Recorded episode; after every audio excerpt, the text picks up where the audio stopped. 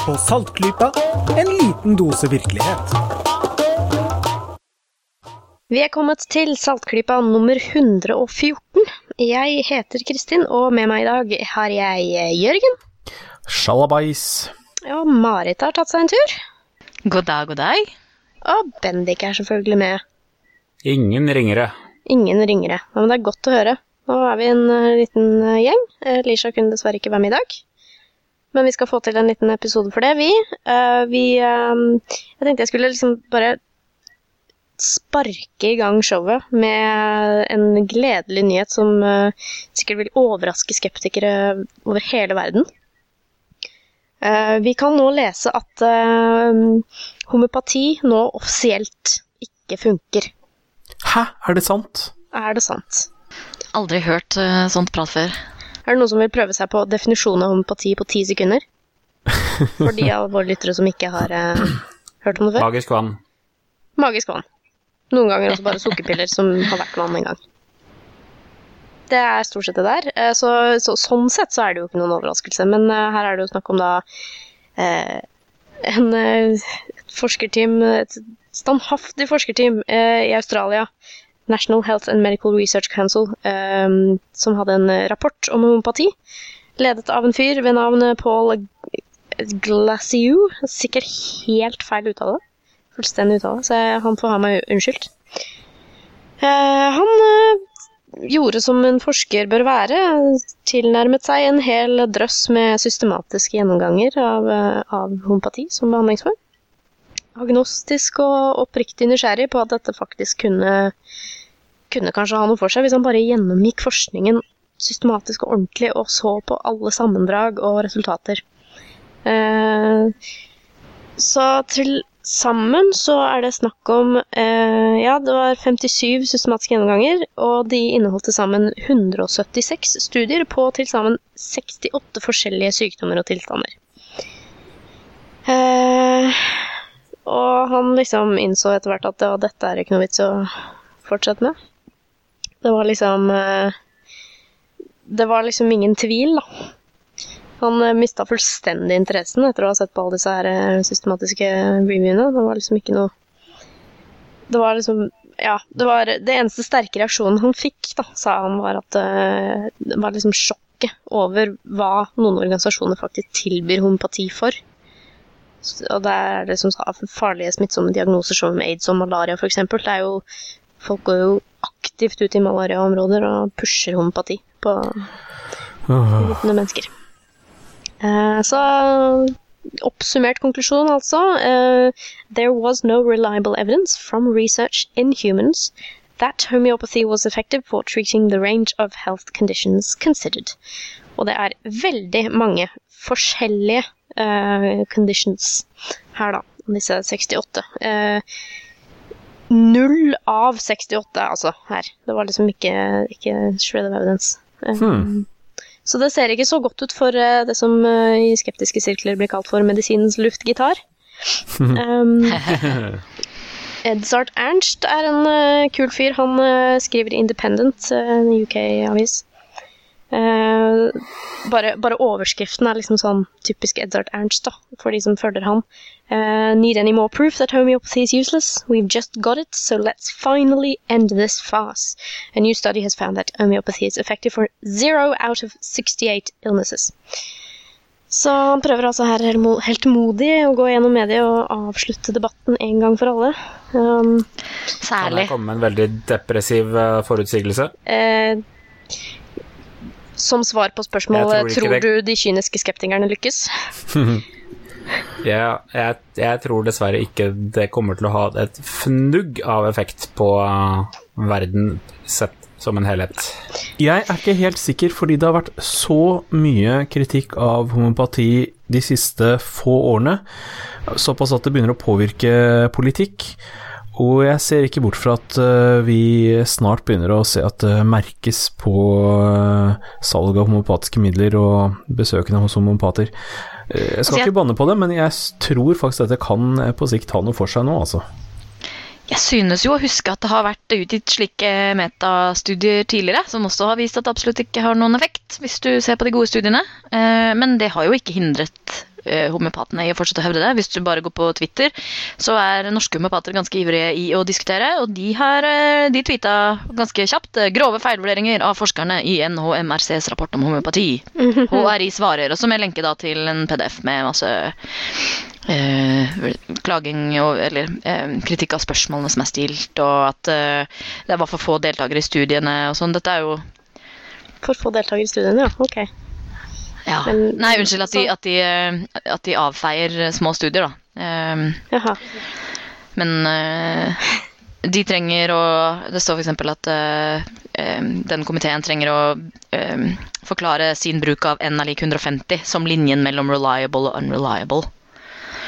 Uh, og, og kritiserer da liksom at eh, at eh, størrelsesforholdet har noe å si for, det. Men det er jo eh, i vitenskapen jo større, jo bedre. Så greit, det er kanskje en arbitrær linje at gren- den skillet går på 150 istedenfor 120 i dette tilfellet, men, eller 100 eller 90. Men like fullt. Eh, det er fortsatt et tegn på en bedre studie at den er større.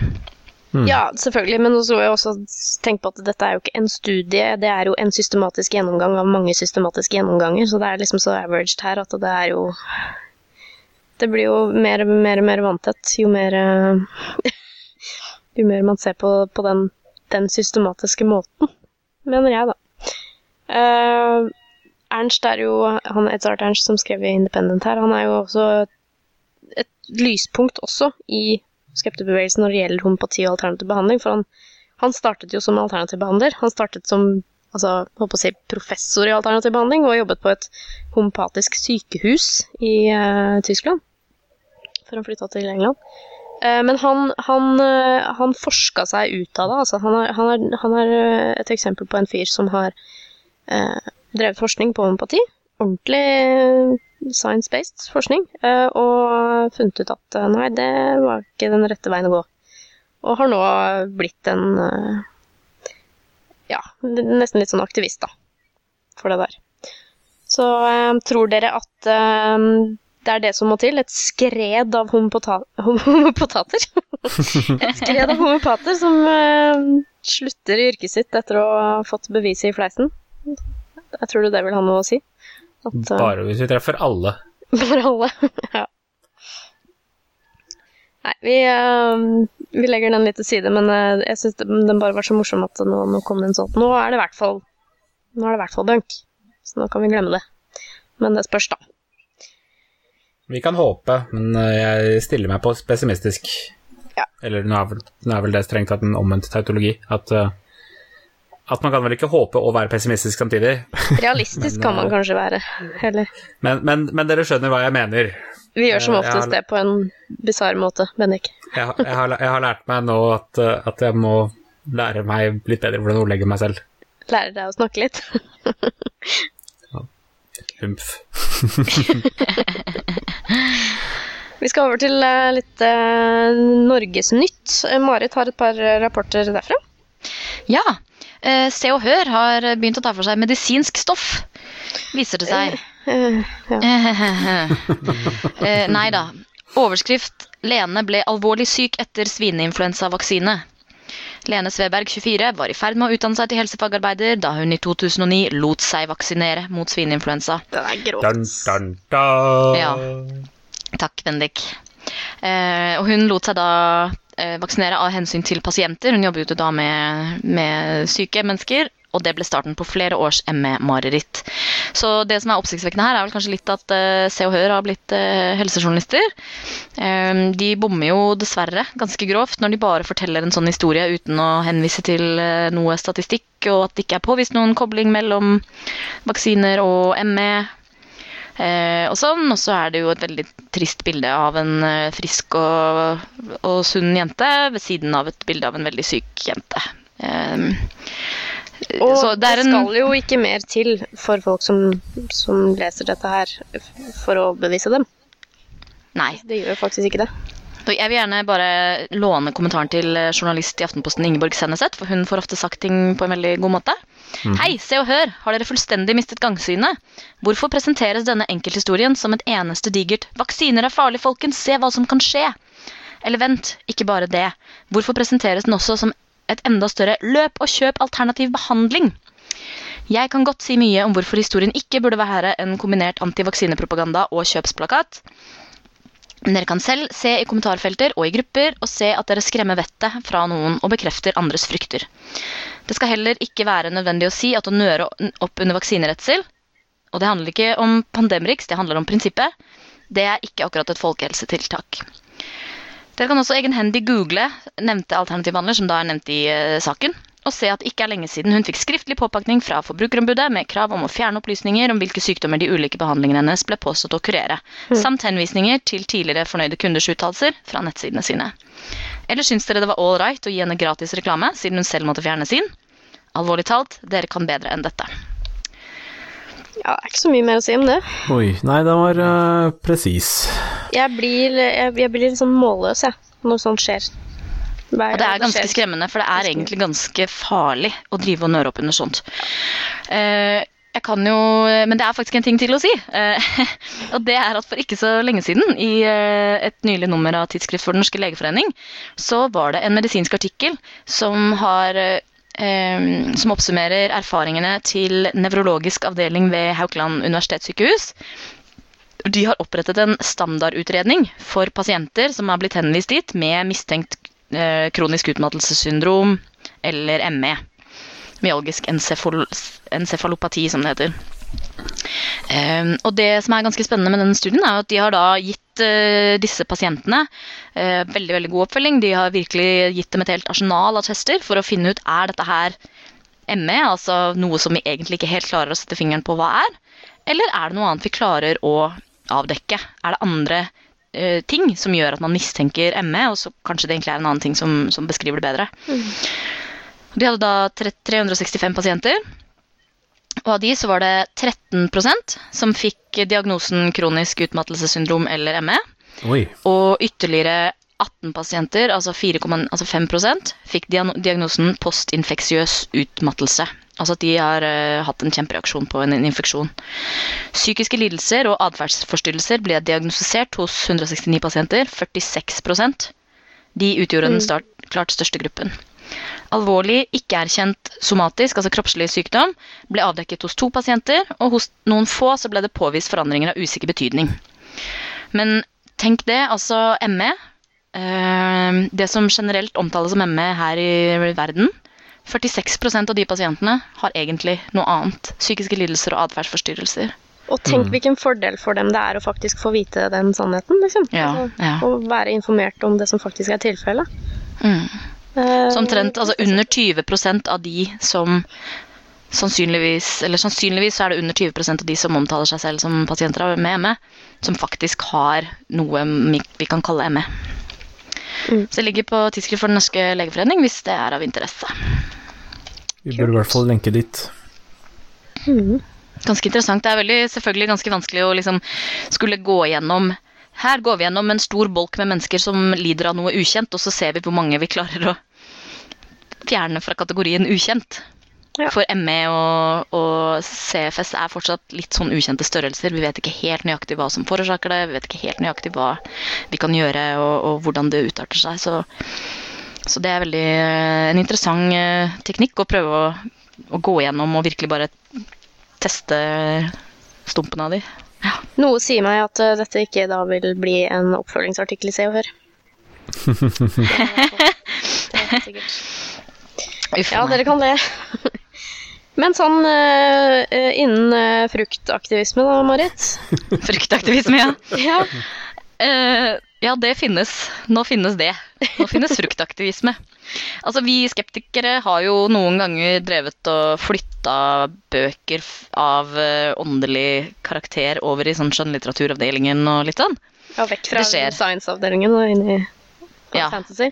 Ja, flytte litt sånt, ja. Det, det, sånn skjer. Og nå er det da en eh, matvareforretning som har gjort noe lignende. Det var nemlig en butikksjef som satte druene sammen med vaskemiddelet. Eh, ok. Ja, det var, eh, det var ikke i Norge, da, for så vidt. Det var Skandinavia, det var i eh, nord for Stockholm. Og det var altså som en protest på sprøytemidler i maten. Ja, Ok, Butikk. så fordi det er det samme som vaskemiddel, ja. Ok, greit. Mm, ja, jeg er med. Ja, for dette var, var en sånn uh, organisk type butikk, var det ikke det? ja? Økologisk heter det på norsk. Økologisk, takk. Igjen. Hvis det ville hjulpet meg veldig hvis jeg sluttet å le hver gang jeg åpnet munnen. Dette var en, Neste gang, eh, jeg lover. Dette var en økologisk butikk eh, som da hadde måttet ta inn fra en annen leverandør. Plutselig. De hadde ikke fått fra sin vanlige kilde, som leverte bare, bare rene druer, selvsagt. Klase med uøkologiske druer, og da satte den eh, der som en protest mot alle sprøytemidlene og giftstoffene som eh, Og alle genmodifiseringene sikkert som den har gått gjennom. Men det vi alle nå lurer på, er kan man egentlig bruke druer til å vaske klær? Ja, det er, det er det som liksom er det store spørsmålet her, da. Men det gjør man kanskje ikke. I hvert fall kanskje ikke rød druer. Røde druer, nei. Mm. Mm.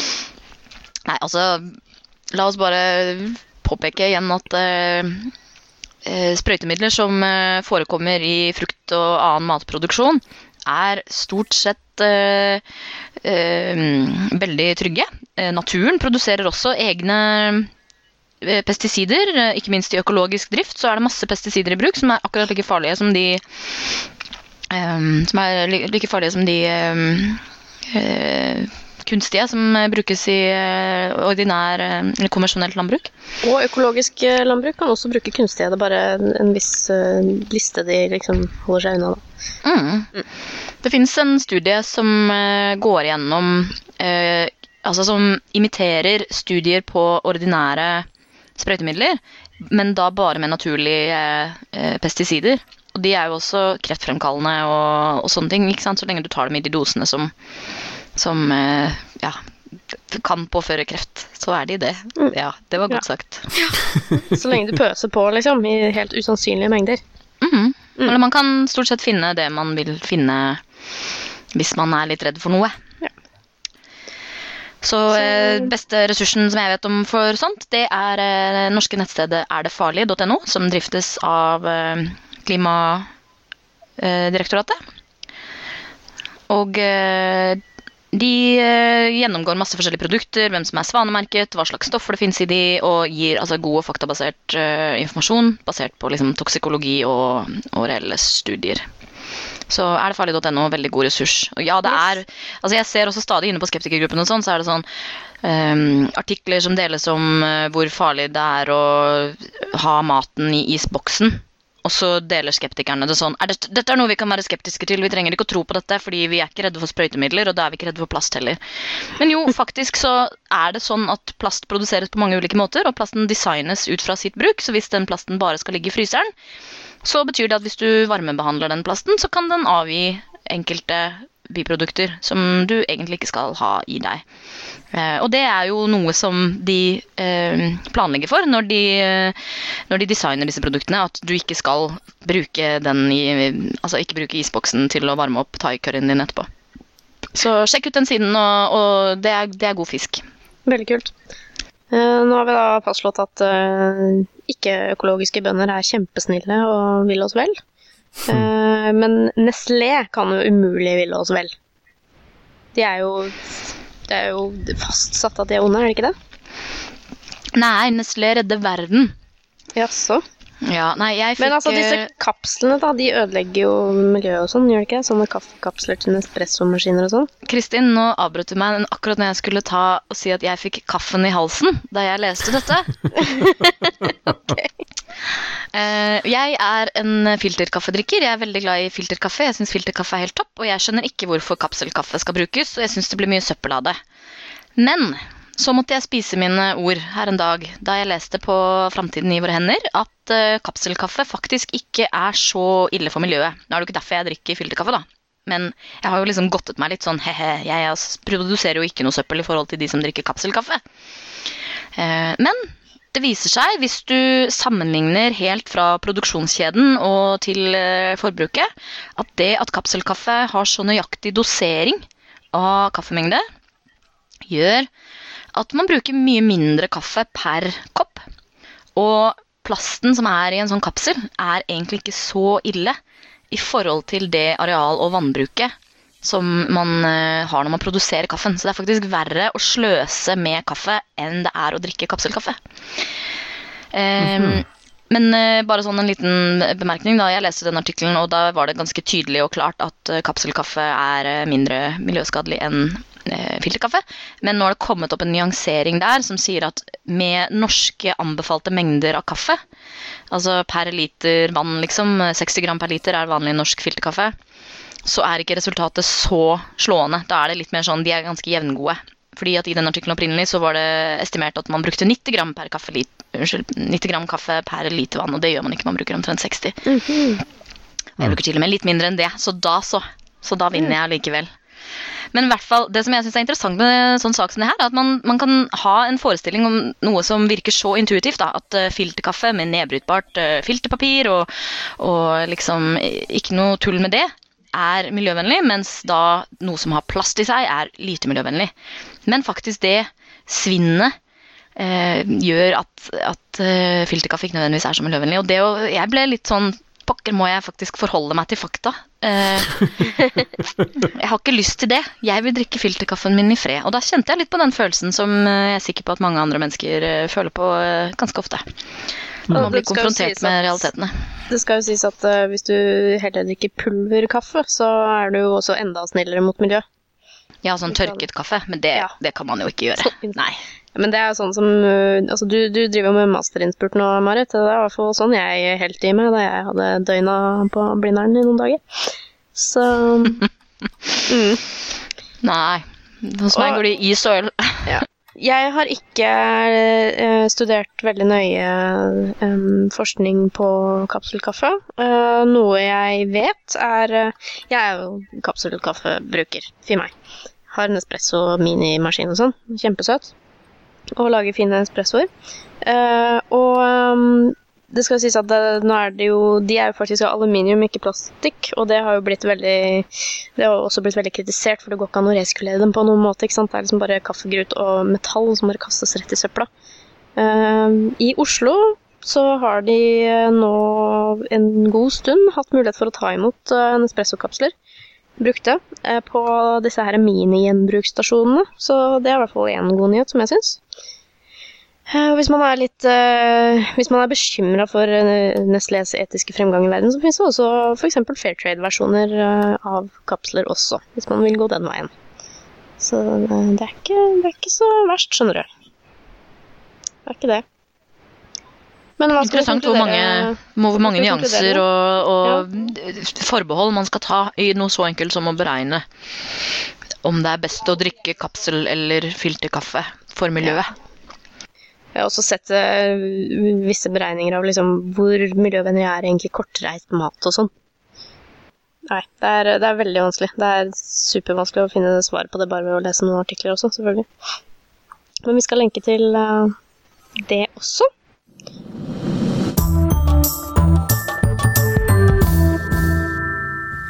Um, jeg lurer på om ikke vi skal uh, ta en tur innom Jørgens univers og høre hva han mener om Odins soldater.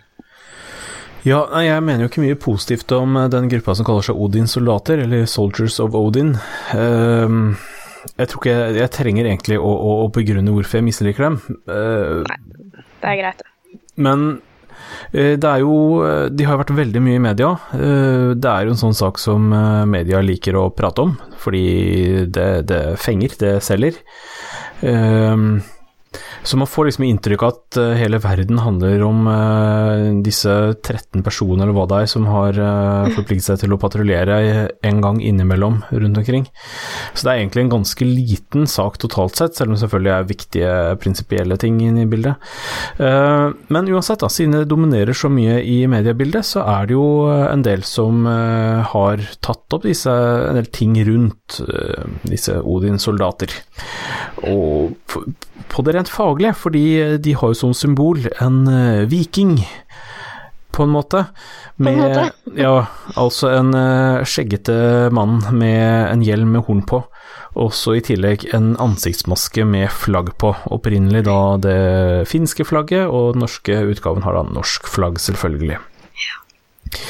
Og eh, en ganske fin artikkel eh, som jeg likte å lese, det var eh, en kommentar i Aftenposten av Anette Sivert Støl, som egentlig er journalist i studentavisen Under dusken. Hun eh, skriver litt om eh, ideologien til vikingene. Hva mente de egentlig? Den er rimelig god. Jeg har nå ett og annet å, å si på detaljer her, men det var særlig én ting som jeg hadde litt lyst til å ta opp. Fordi jeg har tenkt å si meg dypt uenig med denne damen, som ellers sier veldig mye fine ting. Her er det en overskrift som sier 'Ingen vikinger brukte hjelm med horn'. Og det er kanskje riktig, men Men nå skal jeg faktisk ta Odins soldater litt i forsvar. Så hold dere fast, dette blir ubehagelig. Eh, det symbolet de har, er et symbol. Det er altså ikke en avbildning av virkeligheten, det er et symbol. Og det er jo da tross alt sånn i en populær verden at uh, en viking har horn på hjelmen. Sånn er det bare. Uh, verre blir det når du ser på altså, Hvis vi skal ta arkeologiske funn fra vikingtid, så er det ikke funnet en eneste hjelm med horn. Faktisk er det funnet én eneste hjelm overhodet som man kan si helt sikkert har vært en vikinghjelm, og den har ikke tegn til noe horn. Uh, men det finnes også en del avbildninger, og stort sett så er det spisse hjelmer med en enkel nesebeskytter. Men så er det ikke bare det. Det er blant annet broderier fra det berømte Oseberg-funnet, med sånn stort opptog av masse personer, hvor det er i hvert fall tre personer som ser ut til å ha hjelm med horn. Så er det funnet en bronsefigur, og det er fra tidlig vikingtid. Tidlig vikingtid. Og så er det også fra tidlig vikingtid i Sverige funnet en bronsefigur av en uh, fyr som da har hjelm med horn. Og, og så alle disse figurene ser ut til å holde det som når man sammenligner alle sammen, det er ofte litt dårlige detaljer, men når man sammenligner alle, så er det veldig tydelig at det er spyd. De holder spyd. Og så er det på denne bronsefiguren fra Sverige, så er det tydelig at disse hornene ikke bare ender i en spiss, men ender i en kule. Og så er det ikke så lett å se så mye mer, for det er veldig korrodert. Men når vi ser på ting fra før vikingtid, så finner man flere avbildninger av figurer med spyd og hjelmer med horn. Og når vi da er før vikingtid, det som man på norsk kaller merovingertid, så begynner disse figurene å bli litt tydeligere. Det er altså ser ut som horn, men det ender i et fuglehode. Såpass. Ja. Kan dere tenke dere noe fra norrøn mytologi som er to fugler? Et par med fugler? Ja. Hugin og Munin. Ja. Hugin og Munin, fuglene til Odin. Og nå begynner nå burde det begynne å ringe noen bjeller her. Fordi eh, altså, det er, det er ikke full akademisk enighet om dette her, men det er en rimelig vanlig antakelse som jeg har inntrykk av at de fleste arkeologer er noenlunde enige om, er at disse figurene, som det altså fins flere av, det er avbildninger av Odin. Symbolske avbildninger. Altså, det er ikke den fysiske personen Odin, men det er symbolet på Odin med horn. Og når man da har disse her Soldiers of Odin med en figur med hjelm med horn, så er det knytta sannsynligvis til Odin, og passer egentlig perfekt. Spørsmålet er Er Spørsmålet er hva? soldater klar over det selv? Nei, det tror jeg overhodet ikke. Eh, Jeg har ingen grunn til å tro at de har peiling på alt det jeg nettopp sa. Eh, Blant annet så var det han eh, Hva var han heter da, som har vært frontfigur, som har blitt kasta ut i en av dem? Eh, Alte. Ja, han Alte. Ronny Alte. Ronny Alte. Eh, han har vært sitert på at dette er en viking, og da blir det feil. Da, da er det tull. Men den eh, ubehagelige tolkningen er altså at faktisk at uh, den her uh, behornede figuren faktisk er Odin, og at det historisk at det er korrekt. Så, der Ja. har jeg fått liret av meg det. Ja, men, eh, takk for det. det. Det var uh, litt overraskende, og ja. Sånn er det. Nok en gang må jeg forholde meg til fakta som jeg ikke liker. Nemlig. Men uansett vil jeg vel kanskje anbefale denne lille kommentaren som du fant i Aftenposten også. Ja, den lenker vi til. Ja, så bra.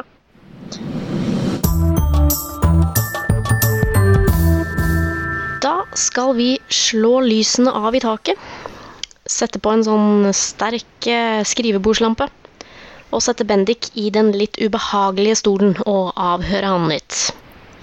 For det jeg har veldig lyst til å øh, mitt svar på, er uh, Hva er greia? Hvorfor elsker alle Apple for tiden? Jo, uh, det er sikkert noen av dere som har fått med dere at det har vært en liten uh, brudulje i uh, teknologiverdenen for tiden, imellom da teknologiske selskaper og lovgivende makter og rettsvesenet i USA især. For et par uker siden, det var vel i begynnelsen av midten av januar, var det vel, så var det, eh, uten å bli for politisk på det her, nok en masseskyting i USA, i San Bernardino. Eh, og en av gjerningsmennene der hadde en iPhone. Dette var en iPhone som var eh, gitt til han av jobben hans. Det var ikke hans personlige iPhone, men eh, amerikanske etterretningstjenesten FBI har veldig lyst til å finne ut hva er det på denne iPhonen her. Hvem har denne iPhonen kommunisert med? Hvilke tekstmeldinger har vi? Etc., etc. Det er utgangspunkt, i utgangspunktet og i teorien et veldig legitimt spørsmål å stille seg, i hvert fall. da. Ja, det er jo slikt som uh, politiet gjerne vil vite. Sånn at de kan finne ut har han konspirert sammen med flere personer, kanskje. Men nå har det seg sånn at uh, iPhones de er faktisk krypterte på i hardwaren sin. Uh, den har en eh, kodelås for å låse den opp, og med mindre man kan den koden, så er det veldig, veldig vanskelig å få kommet seg inn på den. Det er bare å prøve seg å komme seg inn på en iPhone til vennen din. Du kommer ikke til å komme inn. Er det sånn at det er øh, nå, Jeg har ikke iPhone, men er det sånn at du har liksom et visst antall forsøk, da? Ved standard så har man uendelig forsøk, men det tar lengre og lengre tid mellom hvert forsøk man har lov å ta. De første tre forsøkene kan man, eh, får man bare et par er, blir det bare et par sekunders pause. Et, når du har feila tre ganger, så tror jeg den venter i ti minutter før den lar deg taste inn i fjerde gangen. Taster du feil da, så venter den en time før du får lov å taste inn neste. Er det sånn som på Og- Candy Crush at du kan kjøpe deg ut av det, eller? Det er jo for så vidt det FBI prøver å gjøre, da. Eh, Kjøpe seg ut av dette her. Eh, Android-telefoner er eh, et annet kapittel. Dette her gjelder ikke Android i det hele tatt. Akkurat nå så prater vi kun om iPhones. Mm. man kan slå på, noe jeg for øvrig anbefaler folk å gjøre, at ved ti forsøk, feilaktige forsøk så slettes hele telefonen. Det kan man slå på inni, eh, inni options. Så siden man ikke kan låse opp denne telefonen her, så har for så vidt ikke FBI noen måte å vite om det er slått på heller, at den sletter seg selv etter ti feilaktige forsøk. Så de har ikke lyst til å sitte og prøve seg fram. De har prøvd fødselsdatoer og sånne viktige datoer, men uh, de har ikke klart å låse opp den uh, iPhonen. Har de prøvd ni ganger, da? Og så har de ikke turt å prøve en gang til? Sannsynligvis.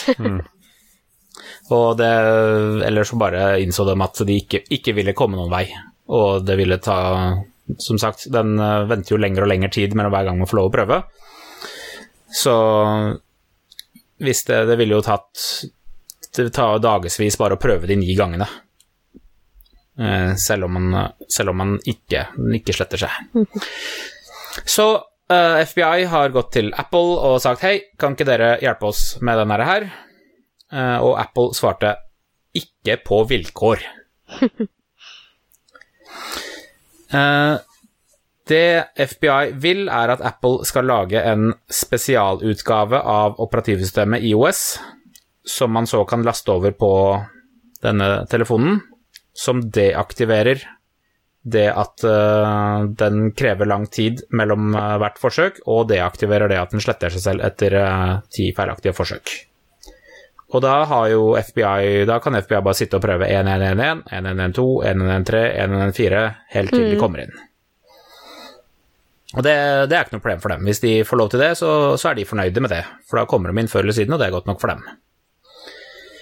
Men Apple, de har ikke lyst til dette. Uh, Men altså, Og- det gjelder jo en, en telefon som har, er innblandet i terrorvirksomhet. Er det så farlig? Ja? Det er jo, det er jo snakk Eller om rettere, er ikke det viktig nok? Ja, liksom, er, er ikke det uvurderlig, liksom Er det ikke det en unik mulighet? I seg selv så er det greit.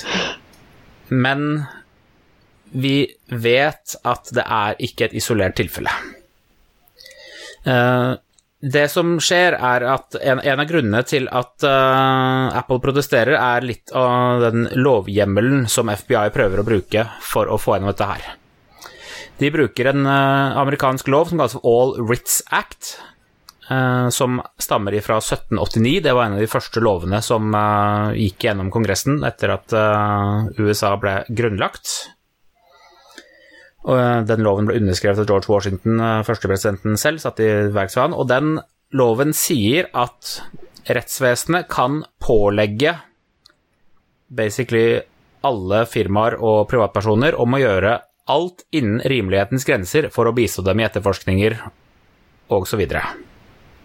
Og det er alt den sier. Ok, innen rimelighetens grenser. Innen rimelighetens grenser. Det er ordlyden den bruker, løst oversatt fra, fra amerikansk. Eh, og hvis da FBI kan tvinge Apple til å låse opp denne telefonen ved hjelp av den, så kan FBI også tvinge Apple til å slå det av på verdensbasis, egentlig. Hvis de ville. Det er ikke så greit. det, da, da begynner vi å, å prate at dette her er ikke helt greit. Dere hører det ikke, men det, jeg rister på hodet. Ja. Det, det er riktignok litt worst case scenario, men i og med at dette er innenfor rimelighetens grenser, hva er det Apple gjør? Jo, de lager software. Da er det helt innenfor rimelighetens grenser at de kan custom-lage litt software som eh, bistår FBI i uh, etterforskningene sine, også på verdensbasis. Så, så dette her er en av grunnene til at Apple kjemper imot her, fordi dette vil sette en veldig uheldig presedens for både hva eh, etterretning og utøvende makt kan gjøre, og også så vil det svekke krypteringen til alle som har iPhone, betraktelig. Denne casen her, nei, eh, den vil ikke FBI foreslo f.eks. at de kunne overlevere den telefonen til eh, Apple, og Apple hentet ut, og vil aldri, FBI vil aldri få tilgang til den programvaren som ble skrevet, eller sånn, men tingen er det at i den digitale verden så er det umulig å slette noe som helst. Selv ikke for en custom-laget software. Et eller annet sted på en eller annen datamaskin inne på hovedkontoret til Apple i Cupertino, så ligger den koden. Og det betyr at en hacker kan potensielt få tak i den. Og i og med at denne koden her, Apple tillater at man oppdaterer man, det, er, det er ikke så veldig mye man kan gjøre på en iPhone uten å, å åpne den og taste inn PIN-koden sin først. Men å oppdatere den er faktisk en av dem. Aha. Ja, ikke sant, ok. Hvis, hvis man har fysisk tilgang til den, så kan man gå inn i en såkalt DFU-modus, altså for uh, Deep Factory uh, Update, tror jeg. Uh, og da kan man oppdatere programvaren på den uten å faktisk behøve å låse den opp. Det her er mulig. Dette her er en av grunnene til at eh, Apple ikke har lyst til å gjøre det. Ja. Skjønner. Fordi hvis denne softwaren da kommer på avveie, så kan hvem som helst stjele din telefon, slå den av, slå den på inn i DFU, såkalt DFU-modus, og oppdatere softwaren på den, og slå av uh, passkoden din. For selv om den softwaren forble i Apple, så er det jo så vanvittig mange ansatte i Apple at uh, hallo, Ja, altså, folk er folk, liksom. Uh, Ja, det vil jo være veldig verdifullt. Så det, det vil være det er risikabelt bare at det finnes. Ja, rett det på vil det være en ekstremt verdifull uh, pakke software, for den vil da kunne teorien åpne opp alle iPhones i hele verden. Og det Mm. er ganske mange millioner enheter. Jeg har hørt at de har en stor andel av markedet, ja. Mm. Ja. Men jeg lurer litt på, for jeg må være litt konspiratorisk her, altså har ikke eksempel CIA da, allerede sine muldvarper i Apple, som sørger for en jevn produksjon av eh, sånne bakdører Det, jeg synes, det, var, det var veldig fint du Ikke CIA. Ikke CIA, nei. Eh, Men NSA har det. NSA har det, ja, beklager. Ja. Ja. En, en av eh, tingene som Edward Snowden kom med, var uh, et masse dokumenter som påviste veldig, veldig dype eh, aksjoner og exploits og slikt fra NSA som klarer å bryte seg inn i alt. Det er godt mulig at NSA faktisk kan få opp en iPhone. De gutta er seriøst flinke og dedikerte. De eh, gjør at X-Files eh, virker som en dokumentar noen ganger. De gjør at X-Files virker pysete. Eh, vi har bilder og dokumenter, bare for å ta et eksempel, på at NSA vil fysisk basically bryte seg inn. Hvis, hvis du bestiller litt nettverkskomponenter, en ruter, på, fra en eller annen eh, leverandør, og du er et stort multinasjonalt firma, så har vi dokumenter på at NSA har stoppet den pakken hos FedEx, eller hos, hos Posten, åpna den, åpna enheten din, lodda inn en ekstra chip for at eh, de skal få tilgang, forsegla den tilbake og sendt den videre. Ok, nå oh, hørte dere ikke det, men jeg, men jeg måpet veldig høyt uh, nå. Det her er nok en ting som Edward Snowden uh, avslørte, og vi har uh, både bilder og dokumenter på at dette her er noe de gjør. Eh, og når de gjør det på det nivået der, så er det ekstremt vanskelig å oppdage, først og fremst.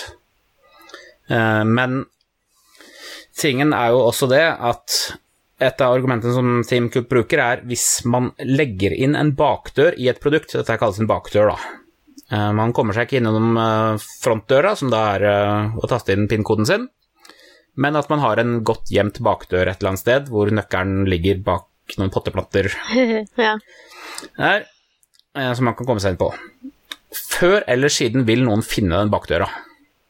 Å ja. Det, det finnes ingen 100% trygge bakdører. Det kan være så utspekulert måte å låse opp den bakdøra på som man bare vil. Sånn Jf. hvis dette var et hus, så kan man måtte trykke på tredje mursteinen ovenfra til venstre, og så banke fire ganger på vinduet, og så stå, snu ryggen til døra og synge Bæ, bæ, lille lam baklengs, men noen kommer til å finne det ut. Det kan ta flere år, men før eller siden så blir disse tingene her oppdaget. ja. Det er sikkert mennesker som vier hele livet sitt til å lage automatiserte prosesser som leter etter bakdører. Ja. Eh, så så det, det er jo en av tingene som lovmakerne prøver å gjøre, for de har tydeligvis ikke forståelse for kryptografi eller sikkerhet i det hele tatt, er jo det at de vil veldig gjerne at eh, Apple og andre nettprodusenter av eh, programvare og datamaskiner skal legge inn bakdører som, som da FBI kan bruke, men jeg lover deg, den vil bli oppdaget, og andre folk vil bruke den. Shit, ass. Det var eh, ikke drøyt. Det gjøres så mye arbeid nå for tiden. Dette her er faktisk kjempeseriøst med å gjøre datamaskiner sikre. Nå sporer jeg litt vekk fra, fra iPhones inn til datamaskiner. Eh, dere kjenner sikkert til problemet med sånn spionvare på datamaskiner og malware, og det finnes noen sånne ting som hvis man bare besøker en nettside, så får man uh, skadelig programvare på datamaskinen sin. Det, det er et stort problem, men de jobber aktivt med å få, få bukt med det. Chrome i seg selv, nettleseren Chrome, er en veldig, veldig sikker nettleser. Yeah, jeg Um, bruker Ja. Applikasjoner får ikke lov å gjøre noe som helst gjennom den. Eh, og det er bra. Ulempen er da når folk som ikke vet hva de driver med, skal lage et tillegg til Chrome. Eh, for å digre, digrere eh, så var det et, et antivirusselskap som heter AVG, som vanligvis har laget ganske god antivirus. Gratis antivirus, og god. Eh, som da tenkte de trengte å vise folk at de beskytter nettleseren din også. Så de lagde en browser-plugin til Chrome som skulle stå og inspisere. Den hadde en bug som gjorde at folk som brukte den, de ble utsatt for eh, skadelig programvare. Shit. Chrome i seg selv, helt trygg. Finnes per i dag ingen uh, exploits som kan komme seg gjennom Chrome. Installerte man den, så var den dårlig skrevet, og det var mulig å, få Chrome til å gjøre ekle ting. Men Eksisterer Eksisterer det noen sikkerhetsventiler der nå i etterkant av det, eller? Det, er, det er jo en av grunnene f.eks. til at Chrome har vært så imot, og, og Apple for så vidt også, vært imot Flash og Java. Ja. Eh, Det er en av mange grunner til at øh, iPhones ikke har Flash, og at Apple øh, ikke er noe glad i Flash. Og at Apple også ikke er noe glad i Java, og Chrome er ikke noe glad i Java. Mm. Det er fordi dette her er plug-in som lar deg gjøre hva pokker du vil. Og Java kan fint lese filer på datamaskinen din, det, det er ikke noe problem, det. Men eh, Så derfor eh, Pluss at det er veldig mye dårlig kode der ute. Men, men for å komme tilbake på, på til originalpoenget mitt, på, på sporet mitt, er at bakdører blir funnet, punktum. Mm. Så hvis man Det er fullt mulig for Apple å lage et operativsystem så sikkert at selv ikke de kan bryte seg inn i det. Det er egentlig det de har klart å gjøre nå med siste versjonen sin, iOS 9. Uh, FBI har fått en kopi av det som var lagra i iCloud-backupen til denne telefonen. Fordi iCloud-backupen den kan ikke være kryptert, for den må kunne lastes ned til en annen enhet. Ja. Men hvis du, ta, hvis du tar, kall det harddisken på iPhonen din, og lodder ut den og setter den inn i en annen iPhone, så sier den no. Dette går ikke. Fordi det er eh, kryptert helt ned på disken, med, både med din kode og, og telefonens uh, unike identifikator som nøkler. Så, men da siden backupen, den må kunne gjenopprettes til en annen enhet. Derfor blir den bare kryptert med din personlige kode, og ikke med, kall det, hardware-identifikatoren. Eh, Men han, eh, terroristen i eh, San Bernardino, han var smart nok til at han slo av iPhone-backup på den mange uker i forveien, sånn at FBI ikke har fått noe nyttig informasjon derifra. Han var litt smart sånn, altså. Ja. Uheldigvis.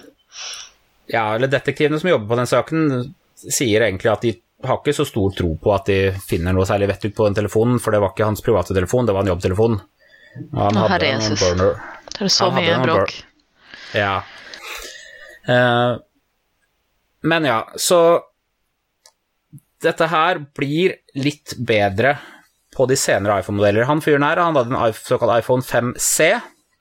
Den har ikke fingeravtrykkssensor. Fingeravtrykksensoren hjelper faktisk betraktelig på, på sikkerheten her også. Fordi de nyere modellene til Apple har ekstra sikkerhet i, uh, i hardware, i en ekstra koprosessor som kalles for The Secure Enclave, som er den som uh, står og leser fingeravtrykket ditt og forteller, forteller selve telefonen om den får lov å låses opp eller ikke.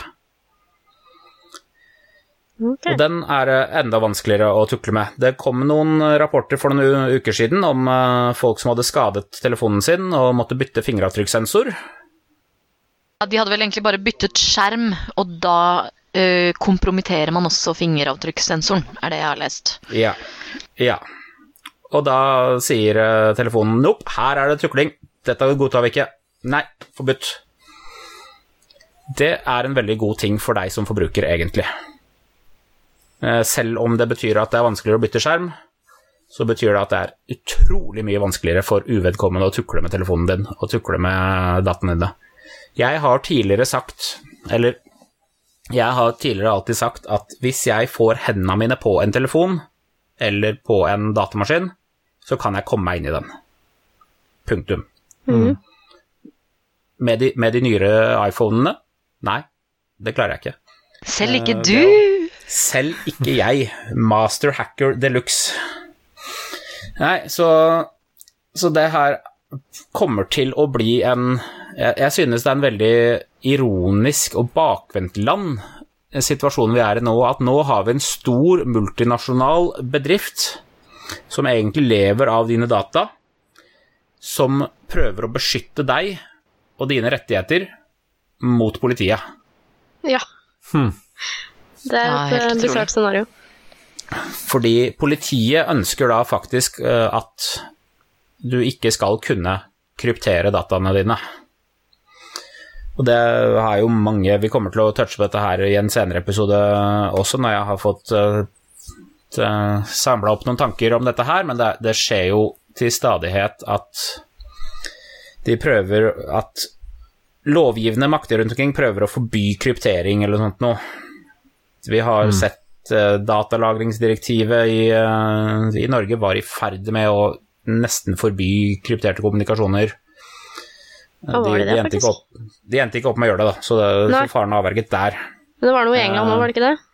Ja, England har uh, The Snoopers Charter, som det heter der, som eh, i praksis ville, vil forby kryptert kommunikasjon. Ja, iMessage på iPhone og WhatsApp og sånn, var det ikke det som da ble, kom til å måtte bli forbudt? Ja, det er jo, det er jo kremeksemplene. Ja. Fordi disse her er krypterte fra ende til annen. Apple kan ikke lese dem. Eh, WhatsApp for sannsynligvis kan ikke lese dem. Eh, jeg kan ikke si med sikkerhet der, for jeg har ikke sjekka dem ut. Men Nei, Apple det ble, sier det ble bare eh, trukket fram som et eksempel, så jeg bare stolte blindt på det. Så Ja. jeg dro det frem fra hodet. Men, men disse her er iMessage- iMessagene dine er krypterte når de går over internett på vei til uh, mottakerens telefon, og de blir krypterte straks de lander på harddisken din. Mm. Og det er en god ting. Det, Så det er eh, har jo USA har tidligere hatt faktisk Ifølge amerikansk lov så er det Eller mulig ikke er det lenger, men det var i hvert fall veldig lenge uh, forbudt å eksportere kryptering. Hvis Eh, man uh. Ja. Fordi det var et verktøy som kunne hjelpe fienden. Ja, så Så alle folk som lagde krypteringsprogramvare, de måtte lage én utgave for Amerika, og så måtte de bare liksom kopiere den, lage den på utsiden, og kopiere den og distribuere den utenfra også, sånn at du ikke distribuerte over landegrenser. Jøss. Hallo. Det- Dette her er også om. Ja. Og det er jo også veldig spennende med tanke på såkalte skytjenester. Uh, vi nevnte jo Apple, iCloud. Det er jo en, en basically et, en disk oppi, oppi internett hvor man kan lagre hva man vil. Uh, iPhonen din bruker det til å lagre backups. Og den er jo da Det finnes jo ikke en sky, det finnes bare andre personers datamaskiner. Ja, det er et sånt berømt uttrykk. Ja. Så et eller annet sted så ligger de dataene på en harddisk. Og lokasjonen på den harddisken fysisk vil tilsier hvilken lovgivning de faller inn under. Apple har sine datasentre i Amerika. Dermed faller iCloud inn under amerikansk lovgivning. Mm. Eh, hvis skytjenesten eh, hadde vært Microsoft eller eh, Amazon sin, så, kan man, så, så har de innsett at dette her er en, et problem for eh, utenlandske bedrifter. De har ikke lyst til at FBI skal kunne snupe på harddisken din når du vil. Så derfor tilbyr de datasentre rundt omkring i verden som da FBI ikke får lov å snupe i, for de har ikke råderett i Irland, f.eks. Og det er det mange, mange firmaer som benytter seg av. De lagrer dataene sine utenfor USA for å prøve å hindre FBI i å bare titte der. Så det som eh, Men ja. Apple gjorde i etterkant av dette her, da, de sendte ut et uh, åpent brev, gjorde de ikke det? Med litt info om denne saken her. De sendte ut et åpent brev uh, hvor de uh, sa basically at de vil ikke lage bakdører, for de har ikke lyst til å kompromittere sin egen programvare. Og så får de veldig Det- god reklame på, på toppen av det hele. De får god reklame hos meg. Uh, fikk veldig dårlig reklame av Donald Trump. Han, uh, han sa jo at eh, han nektet å bruke iPhones inntil Apple hadde gitt seg på dette her. Ja, han tvitra det fra iPhonen sin, hørte jeg. Nei, det, det kan være sant. Han gjorde det. Jeg har sett tweeten. Ja. Så, men, uh, Men ja, i, i min verden så er dette en veldig god ting. Jeg gir tommel opp til Apple for å gjøre det, gjøre det riktige her. Eh, De prøver i hvert fall å gjøre det riktige. Eh, Vi får se om det er Tror det er om lurer på om det var 22. mars det skulle være en, eh, en rettskjennelse på dette her, på om eh, myndighetene kan bruke denne All Rits Act til å tvinge Apple til å gjøre dette her, eller om Apple kan stå på sitt. Men ja, Apple kommer nok nå til å Neste utgave av iPhone og neste utgave av IOS kommer nok til å være enda sikrere. Med, kommer for, sannsynligvis til å f.eks. nekte deg å oppdatere programvaren uten å taste inn koden eh, din først. For det er jo en ting som FBI har lyst til å benytte seg av i dette tilfellet. Men hvis de ikke kan det, så er jo den telefonen virkelig en murstein når, eh, når koden ikke kan bli tasta inn. Og her var det faktisk passende at uh, han ikke brukte fingeravtrykkssensoren, fordi uh, fingeravtrykk det har man selv når man- når man er død. Eller Det hvis man sitter i fengsel. Mm. Og det kan jeg bare nevne det som en apropos helt på slutten. Eh, Det er en grunn til at de av dere som har iPhones med fingeravtrykkssensor, vet at du må taste inn PIN-koden når du slår på telefonen. Første gang må du taste PIN-koden din. Da holder det ikke med fingeravtrykket. Så fingeravtrykket ditt det tar egentlig bare og låser opp skjermen. Det tar ikke å å liksom identifisere deg. Eh, fordi et fingeravtrykk, det er ganske lett å kopiere. Men eh, det er da også grunnen til at Apple eh, krever at du slår den, taster inn PIN-koden din når du slår den på. Så hvis du tror at Hvis du har en iPhone og du tror du kommer til å havne i trøbbel, eller noe, slå den av. Så må man taste PIN-koden din. Og den er det bare du som vet. Tips Den kan til, man ikke stjele fra fingrene dine. tips til både good guys og bad guys, det der. Ja. Men det er jo det som er. Altså Dette her er ikke sånn derre Det er ikke mulig engang teoretisk å ha en kryptering eller ha verktøy her som kun kan brukes av good, good guys. Ikke sant? Dette her går begge veier. Punktum. Så enten så må alt være helt åpent, eller så kan vi låse ting. Hvis vi låser ting, så beskytter vi oss både mot good guys og mot bad guys. Av det åpent så kan også bad guyene slippe inn. Det finnes ikke en trygg bakdør. Punktum.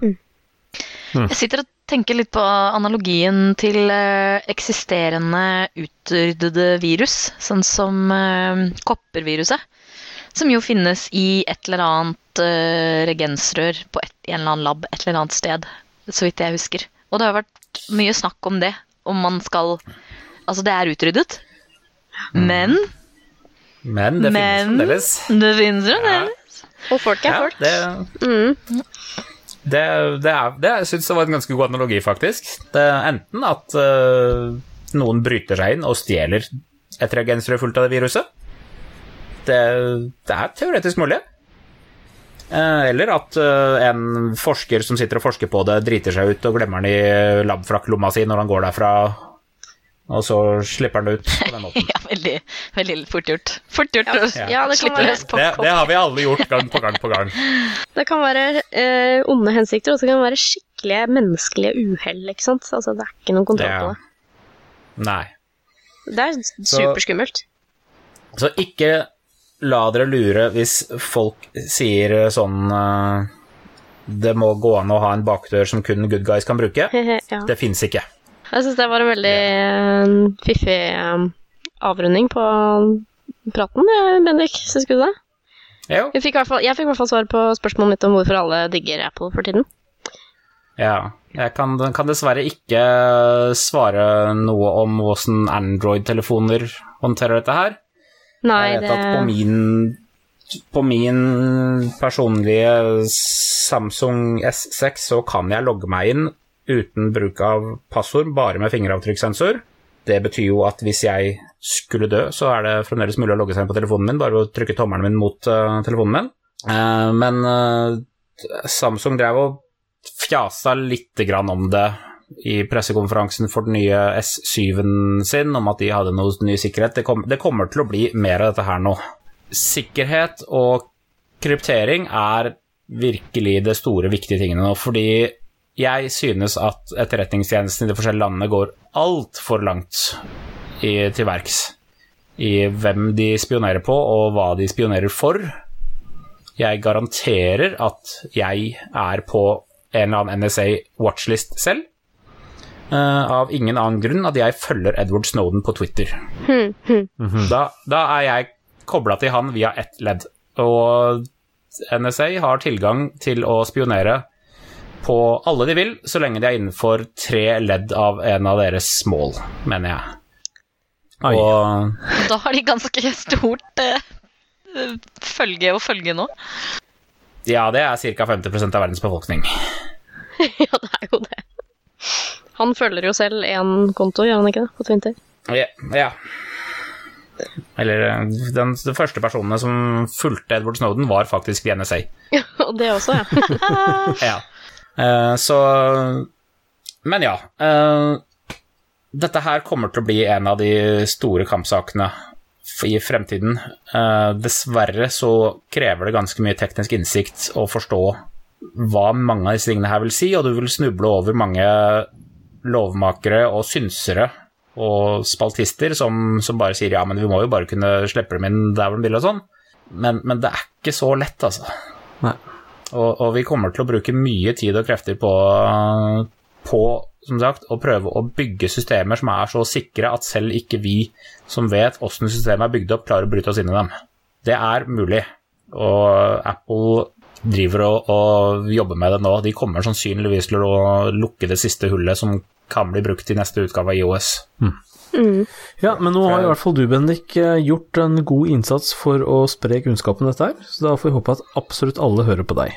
Jeg tror eh, han klarer å banke litt inn i de flestes hoder, altså, med det her. Det er jo ganske ettertrykkelig info. Vi tar en uh, ny runde hvis det kommer mer info om dette her, for dette her er en ting som jeg bryr meg veldig mye om. Ja, men hjertelig takk.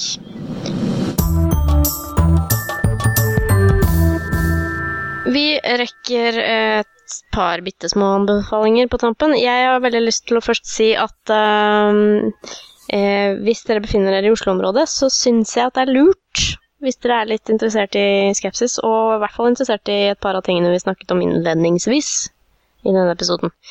Eh, hvis dere er interessert i det, så eh, hold av fredag 11. mars. Vi får kanskje en gjest, og, eh, men vi må liksom Vi må finne ut litt mer av det, og finne ut om det går rundt, før vi Ja. kan, eh, før vi kan avsløre hvem det er, og så, så, sånn at ikke dere blir skuffa hvis det ikke går igjennom. Eh, det har jeg lyst til å anbefale. Uh, og Men, men da skal det vel sies også at siden du kunngjør dette her her, så i og med at denne neste episode vil sannsynligvis komme ut etter den dagen, Ja. så hvor skal folk gå for å finne mer info om det du driver og teaser om nå? jeg eh, vil anbefale Skeptiker på puben Oslo til det. Enten på Facebook eller på internettet. Ja. Twitter og sikkert. Ellers så kommer det noen oppdateringer, så sørger vi for å få det inn i sendingsnotatene i etter, etterkant når, det, når vi publiserer denne episoden her. Så Ja. gå dit og les nå, tilfelle det har kommet noe nytt. Mm. Mm. Er det noen andre anbefalinger? Ja, jeg kan anbefale en uh, lang, lang artikkel uh, av, uh, som ligger på Business Insider UK, som heter The Worst Science Health Myths. Som eh, inneholder så mye som 101 eh, ridiculous science facts that need to die. Det er altså en lang liste med myter, både kjente og ukjente myter for meg, må jeg si. Eh, så, eh, som går gjennom og på en måte prøver å gi et fakta, faktagrunnlag her, da. Men eh, jeg, syns Altså, artikkelen er verdt å, å lese, og, og det er masse morsomme ting man kan lære der. Som f.eks. at eh, det finnes et vaniljelignende stoff som utvinnes av en kjertel fra stumpen til beveret. Eh, så der har du det. Men eksempel den eh, første myten som eh, nevnes, er at eh, eh, Altså, myth 'there are bugs in your strawberry frappuccino'. Altså, det er en myte at det er eh, biller i eh, jordbærfrappuccinoen din. Eh, og det de sier da, er at Starbucks sin jordbærfrappuccino jordbær frappuccino har pleid å inneholde et fargestoff som er laget av oppmalte billekropper, som heter Å, guri, nå har jeg glemt hva det norske Karmin, tror jeg det heter. Er det Unnskyld? Er det ikke karmin? Eller noe Karmin. Ja. Ja, det tror jeg Det er fall helt vanlig rødt farvestoff. Naturlig Ja. farvestoff i, i godteri og sminke og sånn. paprika, potetgull og Ja. sånt. Og da sier de at det- Men de bruker jo ikke dette her i jordbær Uh, frappuccino. Men Nei, greit, de gjør ikke det. Det var visst en myte, men de bruker det jo fortsatt i dritmye annet. Ja.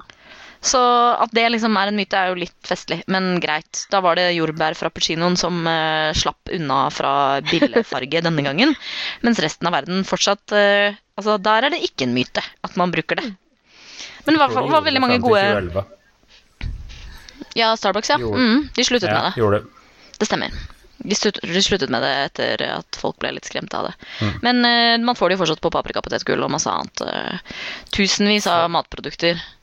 Så da kan vi begynne å skre, spre skremselspropaganda om at det er opphugde biller i paprikapotetgullet ditt. Jam, Det jam. har- fargestoffet har vel også et E-nummer, selv om det altså ikke er en eh, kunstig tilsetning, men eh, et eh, ekstrakt fra en lus. E-nummer betyr jo bare at det er godkjent. Ja. Og har fått en Klassifisert. Så man skal slippe å skrive ut hele. Ja. Men i hvert fall for skeptikere flest så er det masse interessante myter og ting å ta tak i i den artikkelen. Jeg syns den det var eh, spesielt interessant, for det er en sånn vi, eh, vi var jo ganske tidlig ute med, med å liksom ta litt sånne vanlige myter som man gjerne hører om på internett og av venner og av bestemor og sånne ting. Um, og det er kult at det dukker opp med jevne mellomrom en sånn oppsamling av de vanlige. Uh, alt fra liksom at man bare bruker 10% av hjernen, og at haier ikke får kreft, for eksempel. Sånne ting. Altså sånn som man stadig hører som, som uh, varer og varer, da. Ja, For hver avis som har en sånn artikkel, eh, så er det bare topp. Ja, men så bra. Skal vi ta runde av før det blir altfor seint, dere? Det syns jeg vi kan gjøre nå. Ja. Ja. Uh, vi uh, håper å være til stede på Ig Nobel, eh, som eh, selvfølgelig da, når denne episoden eh, kommer ut, er vel overstått. Eh, vi håper at et, et par av oss kan komme på det. Det gleder vi oss veldig til. Og da har vi sikkert eh, stoff fra derfra til en senere episode. Um, jeg vil takke for meg og for at dere ville være med i kveld. Um, og inntil vi ses neste gang, så sier vi bare ha det på badet. Din gamle Ha det. På badet. Alligator. Saltklypa lages av Kristin Lisha, Jørgen og Bendik. Har du spørsmål, anbefalinger, ris eller ros, send det til post at saltklypa.no, eller finn oss på Facebook. Lenker til alt vi har snakket om i episoden finner du på saltklypa.no, hvor du også kan abonnere på podkasten for å få hver episode levert på døra helt gratis. Takk til Smart 9000 fra Evig poesi, som har laget kjenningsmelodien vår. Så da måtte de ta det fra en annen uorganisk distributør. Og Uøkologisk. da Han ble bare lei seg.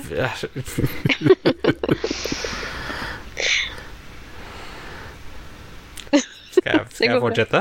Ja, Gjør det. Vi har det morsomt. Ja, ja. Herregud. Det var det, det var det jeg var redd for, skjønner du. Vi ler med deg, ikke av deg. Det er ikke jeg helt sikker på.